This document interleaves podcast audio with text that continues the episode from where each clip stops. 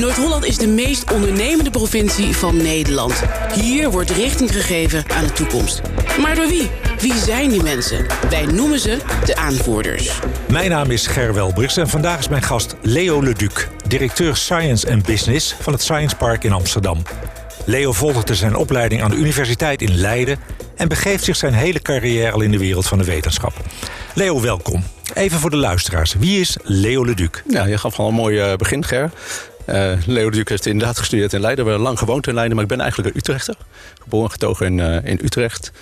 En ja, al lang, zeg maar, ik heb al wat jaren achter de rug, zou je kunnen zeggen. Is al lang aan het werk ook, bij bedrijven als General Electric en Shell gewerkt. voordat ik naar het Amsterdam Science Park kwam, zat er tussenin nog het ministerie van Onderwijs, Cultuur en Wetenschappen uh, plaatsvangdirecteur bij wetenschapsbeleid. En ik woon met mijn vrouw in Amsterdam. En twee grote kinderen en uh, nou, al meer mensen, een kat. okay. Dat is wel, uh, wel handig in Amsterdam. En dan directeur van het Science Park. Ik rijd er regelmatig langs in Amsterdam-Oost. Wat is het Science Park precies? Ja, nou, het Science Park is inderdaad uh, gelegen in het oosten van Amsterdam. Een beetje ingeklemd tussen het Flevopark, het Amsterdam-Rijnkanaal en de Snelweg. Dus we liggen nog net binnen de ring, maar we zijn soms ook een beetje verborgen gebied. En ik denk dat het onterecht is, want als je het Science Park zou bezoeken... Uh, zoals jij wellicht hebt gedaan, dan zie je dus dat daar een hele grote beta-faculteit staat. Een aantal topinstituten van een Nederlandse wetenschapsorganisatie. Maar ook 150 bedrijven. En dat is juist die mix die het Science Park zo interessant brengt, uh, maakt. Maar wat is het doel van het Science Park? Nou, uh, kijk, er wordt fundamenteel onderzoek gedaan. En ook meer toegepast onderzoek. Maar het is wel fundamenteel Beta Science Park. Maar het aparte van het Science Park is dat er niet alleen wetenschappelijke instituten staan. Maar dat we er juist op gericht zijn om onderwijs, onderzoek en ondernemerschap met elkaar te verbinden. En dat dan ook echt heel actief. Door mensen bij elkaar te brengen. Uh, maar ook zorgen dat er nieuwe bedrijven ontstaan vanuit die wetenschap. En uh, ja, met als doel eigenlijk dat uh, wetenschap die betaald wordt vanuit de belastingen ook echt uh, de maatschappelijke impact heeft. En nou, daar komen we straks nog wel op, maar er zijn heel wat voorbeelden van op het Science Park. Ja, er zijn dus heel korte lijnen hè, tussen, tussen waar het wetenschappelijk wordt ontwikkeld, wordt bedacht, en dan bedrijven die toepassen. Wat voor soort bedrijven zitten er op het Science Park? Ja, dat is heel uiteenlopend. Ik zou zitten zo'n 150 bedrijven. Dan moet je echt denken aan uh, hele kleintjes. Uh, spin-offs van de universiteit. Of spontane start-ups van studenten die daar hebben gestudeerd. maar ook een aantal multinationals. Maar dan niet in de zin van dat daar hele grote gebouwen staan... met 500 mensen van DSM of AXO. Maar veel meer de interactie die zij zoeken. Dus ik noem dat Footholds. We hebben bijvoorbeeld een, van Tata een foothold gehad. Moet je je voorstellen dat er zes mensen van Tata Research... en uit de IJmuiden bij ons op Science Park zitten... samenwerking hebben met hoogleraren en uh, met... Uh, soms ook met een paar andere bedrijven. Uh, en gewoon verkennen wat is er hier nog meer voor uh, Tata Steel van belang om kennis van, uh, van te nemen. En ik zeg altijd zo, wat eigenlijk Science Park levert is talent. Dus hele talentvolle mensen, de hoogleraren, topprofessoren die over de hele wereld zich begeven. Maar ook de, de, student die een, een nieuw idee heeft en een start-up begint met een stel vrienden, is voor een bedrijf heel interessant.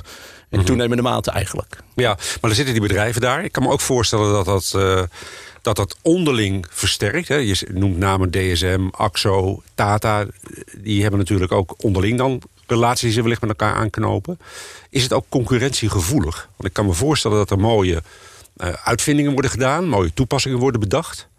Maar die zijn natuurlijk heel concurrentiegevoelig. Ja, nou, uh, dan moet je echt onderscheid maken. Het Science Park is echt heel fundamenteel uh, onderzoek. En uh, er is dus een hele laag eigenlijk, is voor bedrijven nog niet interessant. maar de hoogleraars slagen er wel steeds beter in om te laten zien aan een bedrijf van... hé, hey, kijk, dit is voor jullie in de toekomst om je concurrenten voor te blijven heel erg belang, belangrijk. Dat was ook een van de achtergronden van de komst van Tata toen op het gebied van artificial intelligence. En er zijn ook daarna, als het wat meer richting de toepassing gaat uh, daar komt het ook wel op aan om het uh, goed te scheiden. Dus uh, we werken bijvoorbeeld ook aan co-creatie labs. waarbij echt meerdere bedrijven samenwerken in een, in een, soort artificial lab setting. En dan wordt het wel belangrijk dat je nou, goede afspraken maakt. natuurlijk alles juridisch regelt. Maar het betekent ook soms dat je stukjes van gebouwen wel moet afzonderen. Ja. ja. Wat voor soort studenten zitten er bij jou op het Science Park? Welke opleidingsrichtingen? Welke... Ja, dus eigenlijk alle, alle beta-richtingen. Hè? Dus van sterrenkunde, wiskunde, chemie, biologie. de hele, hele range. En dat loopt ook steeds meer door elkaar. Dat is ook natuurlijk kracht, hè? dat je multidisciplinaire studies aan, aanbiedt. Waardoor iemand ook echt iets leert van chemie en biologie of van sterrenkunde hè, en chemie. want juist op het snijvlak van die verschillende domeinen, daar gebeuren mooie nieuwe doorbraken. En dat is vaak ook waar het voor, voor bedrijven ook interessant is om samenwerking te zoeken en nieuwe verkenningen te plegen. Ja, hoe staan we daarbij internationaal? Werken we ook internationaal veel samen met gelijksoortige nou, kijk, ik zeg al, eh, wetenschap is gewoon internationaal. Dat is gewoon, uh, ik heb hiervoor als uh, directeur bij uh, OCMW voor wetenschap echt overal ter wereld nou, mogen opdraven, zou ik bijna zeggen. Omdat in de meeste landen speelt het ministerie veel grotere rol. Nederland is vrij plat georganiseerd, dus wij kennen dat eigenlijk niet zo. Maar wil je als Nederlandse wetenschapper echt in China zaken doen, dan kan je heel ver komen met je collega's, collega's wetenschappers. Maar op een gegeven moment is ook politiek en uh, dus ministeries van, van groot belang. En uh, daar heb ik uh, gezien dus dat onze Nederlandse wetenschappers eigenlijk heel hoog worden aangeschreven. En terecht denk ik. We hebben echt een hoogstaand wetenschappelijk landschap. Zitten in allerlei topgremia. Uh, dus internationaal is geen enkel nou, vraagstuk eigenlijk. en ik zie op Science Park bij de NWO-instituut bijvoorbeeld, waar ze een relatief kleine budget hebben, staan ze ook allemaal in top 5 van hun wetenschapsgebieden. En worden ze overal door hun collega's gevraagd. En ja, er wordt heel veel samengewerkt. Eigenlijk wetenschap is samenwerken. Mm -hmm. ja. Hoe belangrijk is Science Park voor de, voor de metropoolregio Amsterdam? Uh, nou, ik denk van heel groot uh, belang. Het is niet om uh, zeg maar te pochen of zo op te, op te scheppen. Maar je ziet gewoon terug in een aantal nou, spin-offs die wij nu genereren. Dat is heel, heel direct. Doe je dat speciaal voor, voor Amsterdamse Nou, ik, ik denk voor dat, dat wij dus voor de metropoolregio Amsterdam een grote rol spelen. want we hebben het ook over die samenwerking. toen deze baan begon vier jaar geleden nou, ik was uitgenodigd in Almere en Alkmaar en allerlei plekken waar ook innovatie-hotspots uh, zitten. En het bleek mij na een tijdje dat dat allemaal weer gevoed wordt, terug te voeren is op hoogleraren, professoren, onderzoekers en hun studenten.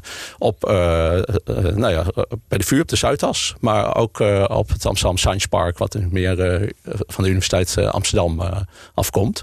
En dus eigenlijk is deze hele regio, zonder dat ze het weten, vind ik ook belangrijk om te melden, een enorme centrum van wetenschap. Dat wordt vaak overvleugeld door natuurlijk toerisme, door onze logistieke hotspot uh, Schiphol. Uh, en nou, nog een keer toerisme zou ik willen zeggen.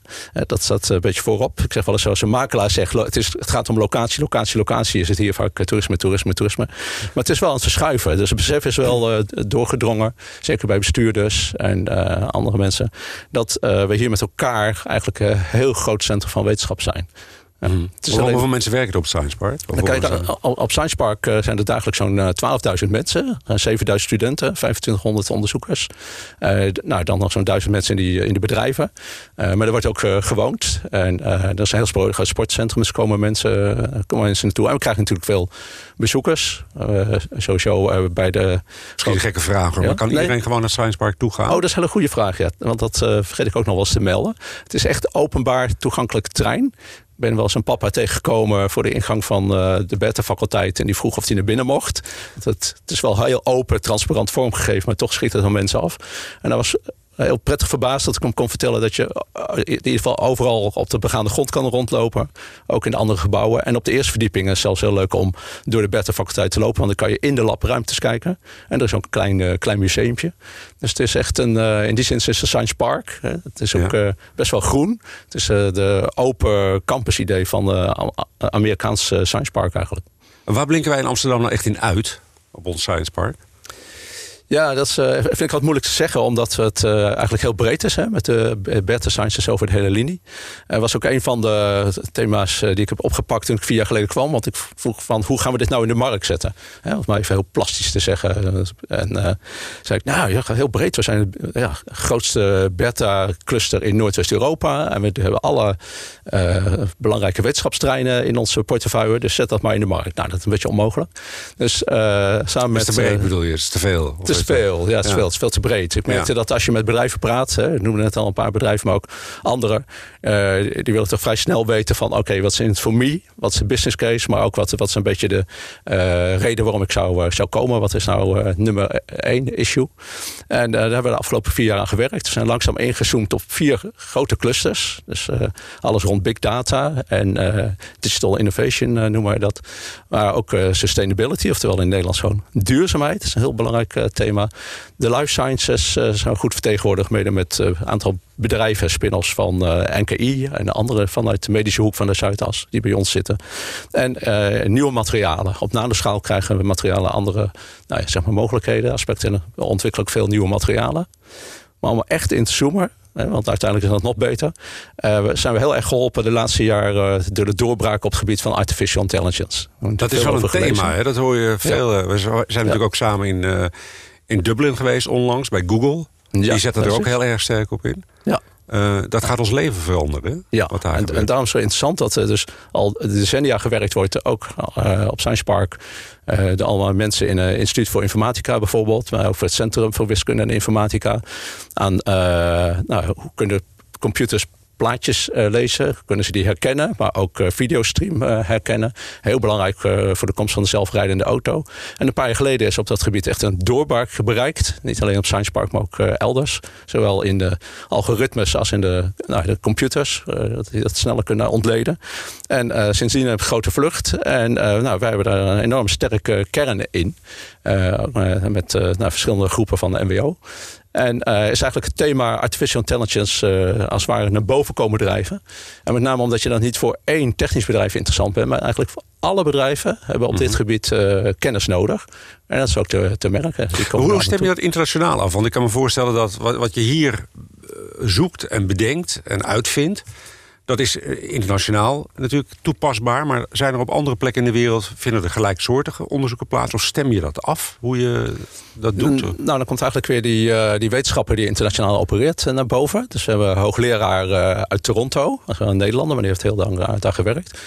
Max Welling, is echt een van de, van de topprofessoren op dat gebied. Maar ook een aantal collega's van hem die komen eigenlijk in hun carrière... zijn ze over de hele wereld geweest. Vaak China, Singapore. Of nou, Amerika springt ook wel uit. Uh, Toronto noemde ik al even. Dat is echt ook een hotspot op het gebied van artificial intelligence. Ook vaak ons voorbeeld.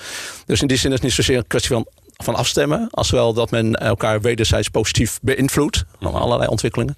Uh, daar heeft bijvoorbeeld ook uh, weer iemand uh, meegebracht. iemand die daar een promovendus van hem was. Die hier toponderzoek doet in het gebied van quantum software. Dat is eigenlijk een ander gebied. Maar ook daar vinden we nou, relaties al over de hele wereld, wereld plaats. dus het is niet zozeer, denk ik, echt letterlijke afstemming. Als wel wederzijdse bevruchting. Ja, ik ben zelf niet zo thuis in deze wereld, moet ik eerlijk zeggen. Maar ik vind het wel heel erg boeiend. Als je zegt dat een van de, van de vier speerpunten ook het, het vinden van nieuwe materialen is. Hè? Heb je daar een, een pakkend voorbeeld van? Wat je zegt van, nou kijk, dat uh, zit er aan te komen. Of dat is net... gevonden? Nou, uh, ik vind het zelf wel een heel aardig uh, voorbeeld. Is een, kubus. En als je die indrukt, dan wordt hij normaal gesproken wordt die, of, het wordt heel platter, langer. En bij Aalmof, een van de MBO-instituten, heeft men dus een materiaal ontdekt, of helemaal ont, ontwikkeld eigenlijk, vanuit nanoschaal opgebouwd. die je kan, als het ware kan programmeren hoe die uitzet. En ook op verschillende punten verschillend uitzet. En daar zou je dus eigenlijk hele slimme schakelingen mee kunnen maken. Normaal schakelingen aan uit. En deze zou echt kunnen schakelen in verschillende hoeken tegelijkertijd. Omdat het materiaal niet zoals wat je verwacht gewoon plat wordt. Of uh, uitrekt. Uh, maar je kan echt letterlijk programmeren hoe die gaat uitzetten. Maar kan je er een toepassing voor noemen? Om even voor, Ja, nou, daar noem ik die uh, schakelingen. Dus ja. men, men zag gelijk eigenlijk van, nou, als je dus kan zorgen dat, die, eigenlijk, dat jij bepaalt hoe die uitzet en welke kant, of meerdere kanten, dan zou je daar ingewikkelde schakelingen in de chemische, chemische petrochemische industrie voor kunnen, kunnen maken. Okay. Ja. Maar ik vind, vind zelf ook bij nieuwe materialen, denk je dus aan dit soort fysieke materialen. Maar je kan ook denken aan ontwikkelingen die raken dan aan het gebied duurzaamheid eh, dus eh, zeg maar, veel circulair leven. En ik denk dat het terugdringen van uh, onze carbon fuel footprint heel erg belangrijk is. Dus we moeten, veel meer, naar die, ja, ja. moeten veel meer naar wat wij noemen onderling zonnecellen toe. Dat heet dan fotonica in de wereld van de wetenschappers. En uh, op dat trein hebben ze in de, de, labs al enorme voortgang geboekt. Dat het rendement van zonnecellen enorm groot kan worden. Veel, veel beter kan worden. Maar dan kom je op een schaal dat eigenlijk uh, zonnecellen zo goedkoop kunnen werken. Dat je nou, nog maar 1, kilo, 1 cent per kilowattuur betaalt. En dat betekent in de chemie opeens, zeiden zijn collega's dan... oh, maar wacht even, als die energie zo goedkoop wordt... we hebben heel veel energie nodig om biofuels te maken. Dus eigenlijk uh, brandstoffen uit, uit andere... Ja, uit, ja. uit gewassen. Uh, en zo raken die domeinen elkaar. En dan zie je ook het belang van zo'n science park... dat die onderzoekers vlak bij elkaar zitten. Dat ze elkaar ook kunnen ontmoeten. Dat we die ontmoeting ook uh, stimuleren. En dat er allerlei vormen van co-creatie ontstaan. Ben jij positief gestemd ten aanzien van die, die duurzaamheidsslag die we moeten maken? Er zijn erg veel ambities in het klimaatakkoord. Ja. Maar dat maakt ook dat er inderdaad dit soort vindingen moeten plaatsvinden. Ja. Ben je er positief dat je zegt, nou, die gaan echt het verschil maken? Nou, ik denk dat dit soort dingen inderdaad nu uh, meer uh, kansrijker worden. Hè? Dus dat er uh, druk komt op het klimaat. Klimaatakkoord helpt om te werken aan, aan oplossingen natuurlijk. Dat de wetenschap heel veel van die oplossingen kan, kan aanleveren.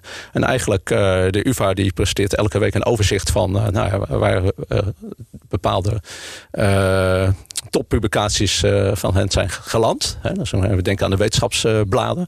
Ehm, en die volgen wij natuurlijk beroepsmatig. En dan zie je ook een heleboel uh, stapjes die die kant op leiden. Hè. Want wetenschap is ook iets van de kleine stapjes. Hè.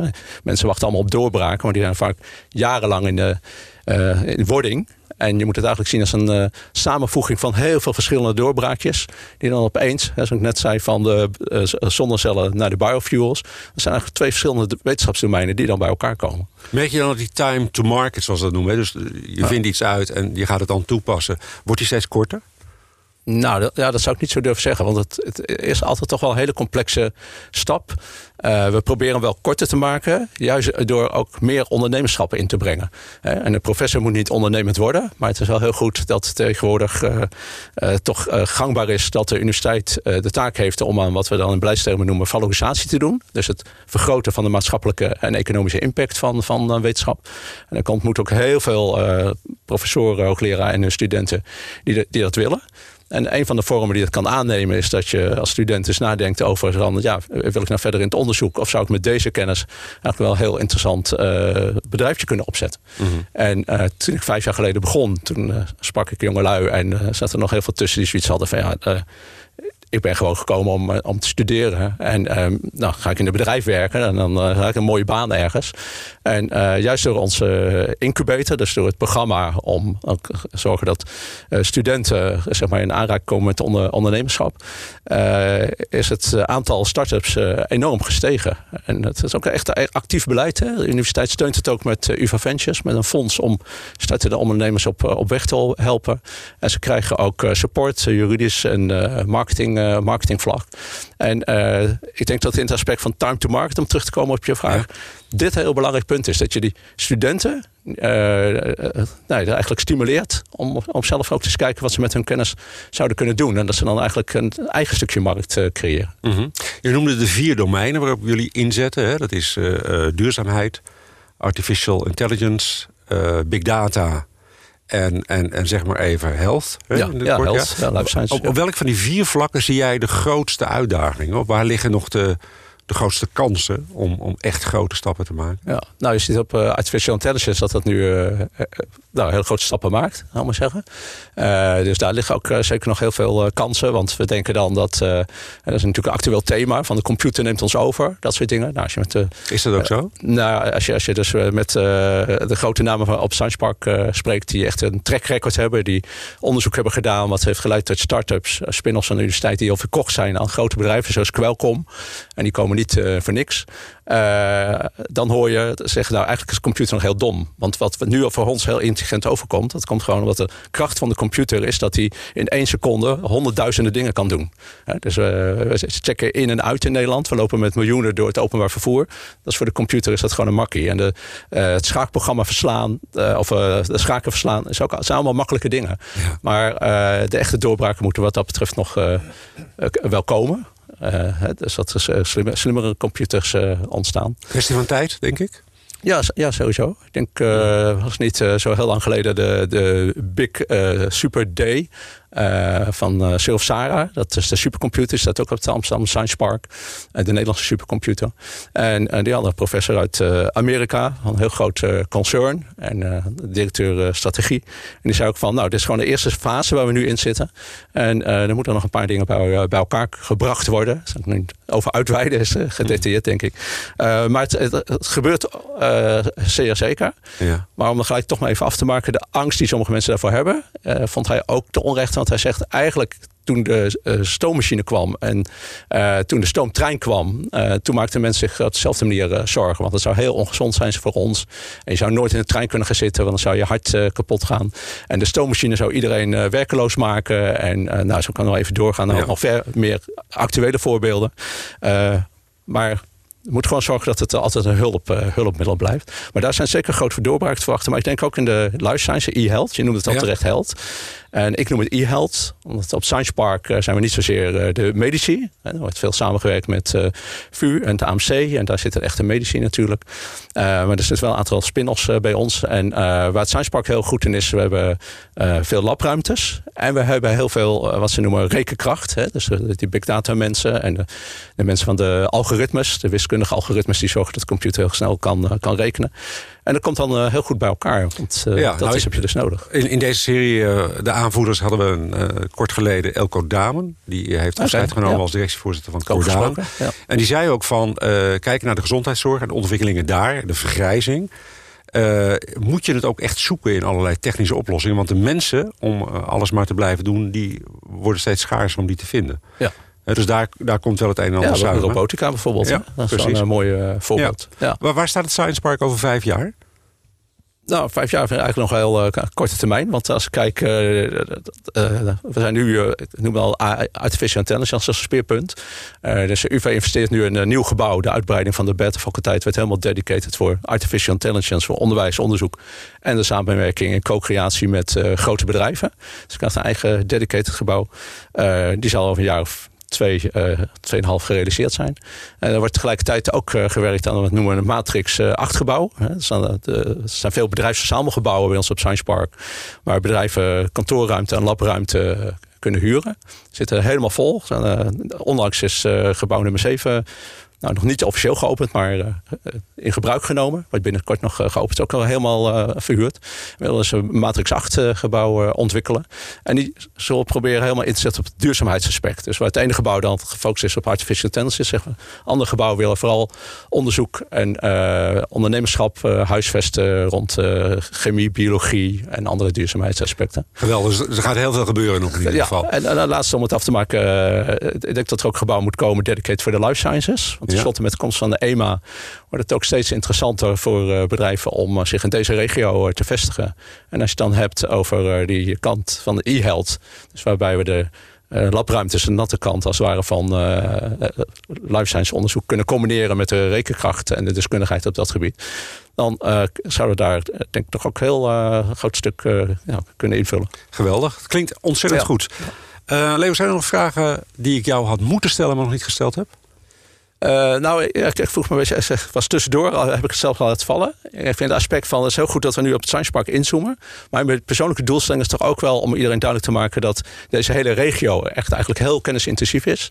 Daarom noemde ik al net een paar andere innovatiegebieden. Maar we hebben bijvoorbeeld op Science Park de Clean Campus. Dat is eigenlijk een ontwikkeling van de professoren uit de hoek van de biologie en de chemie. Die trekken op met Greenport en Aalsmeer. Maar ook met het mbo en het hbo in zeg maar de tuinbouwsector. De tuin tuinders, de zaadveredelaars. En dat is eigenlijk maar één van de voorbeelden hoe wij dus in de regio uh, actief zijn. Of uh, in ieder geval professoren vanaf uh, het Science Park. in het meer technische hoek hebben we dat ook wel met andere gebieden zoals Stegpoort. En je hebt natuurlijk uh, Valley, de Maritieme Valley. de eigenlijk hele provincie staat vol met dit soort zaken. En ik denk dat we... ja, daar wil ik dus echt wel wat meer voor, voor oproepen. Dat het echt niet alleen het Science Park is. Maar het is heel belangrijk om te weten dat je eigenlijk in je eigen achtertuin een heel kennisintensief gebied hebt. Leo, bij deze heb je dat gedaan. Eh, ik wil je voor nu hartelijk danken voor de komst naar deze podcast. En ik praat graag over enige tijd weer met je bij waar we dan staan. Bedankt. Dit was De Aanvoerders, een podcastserie van NH Media.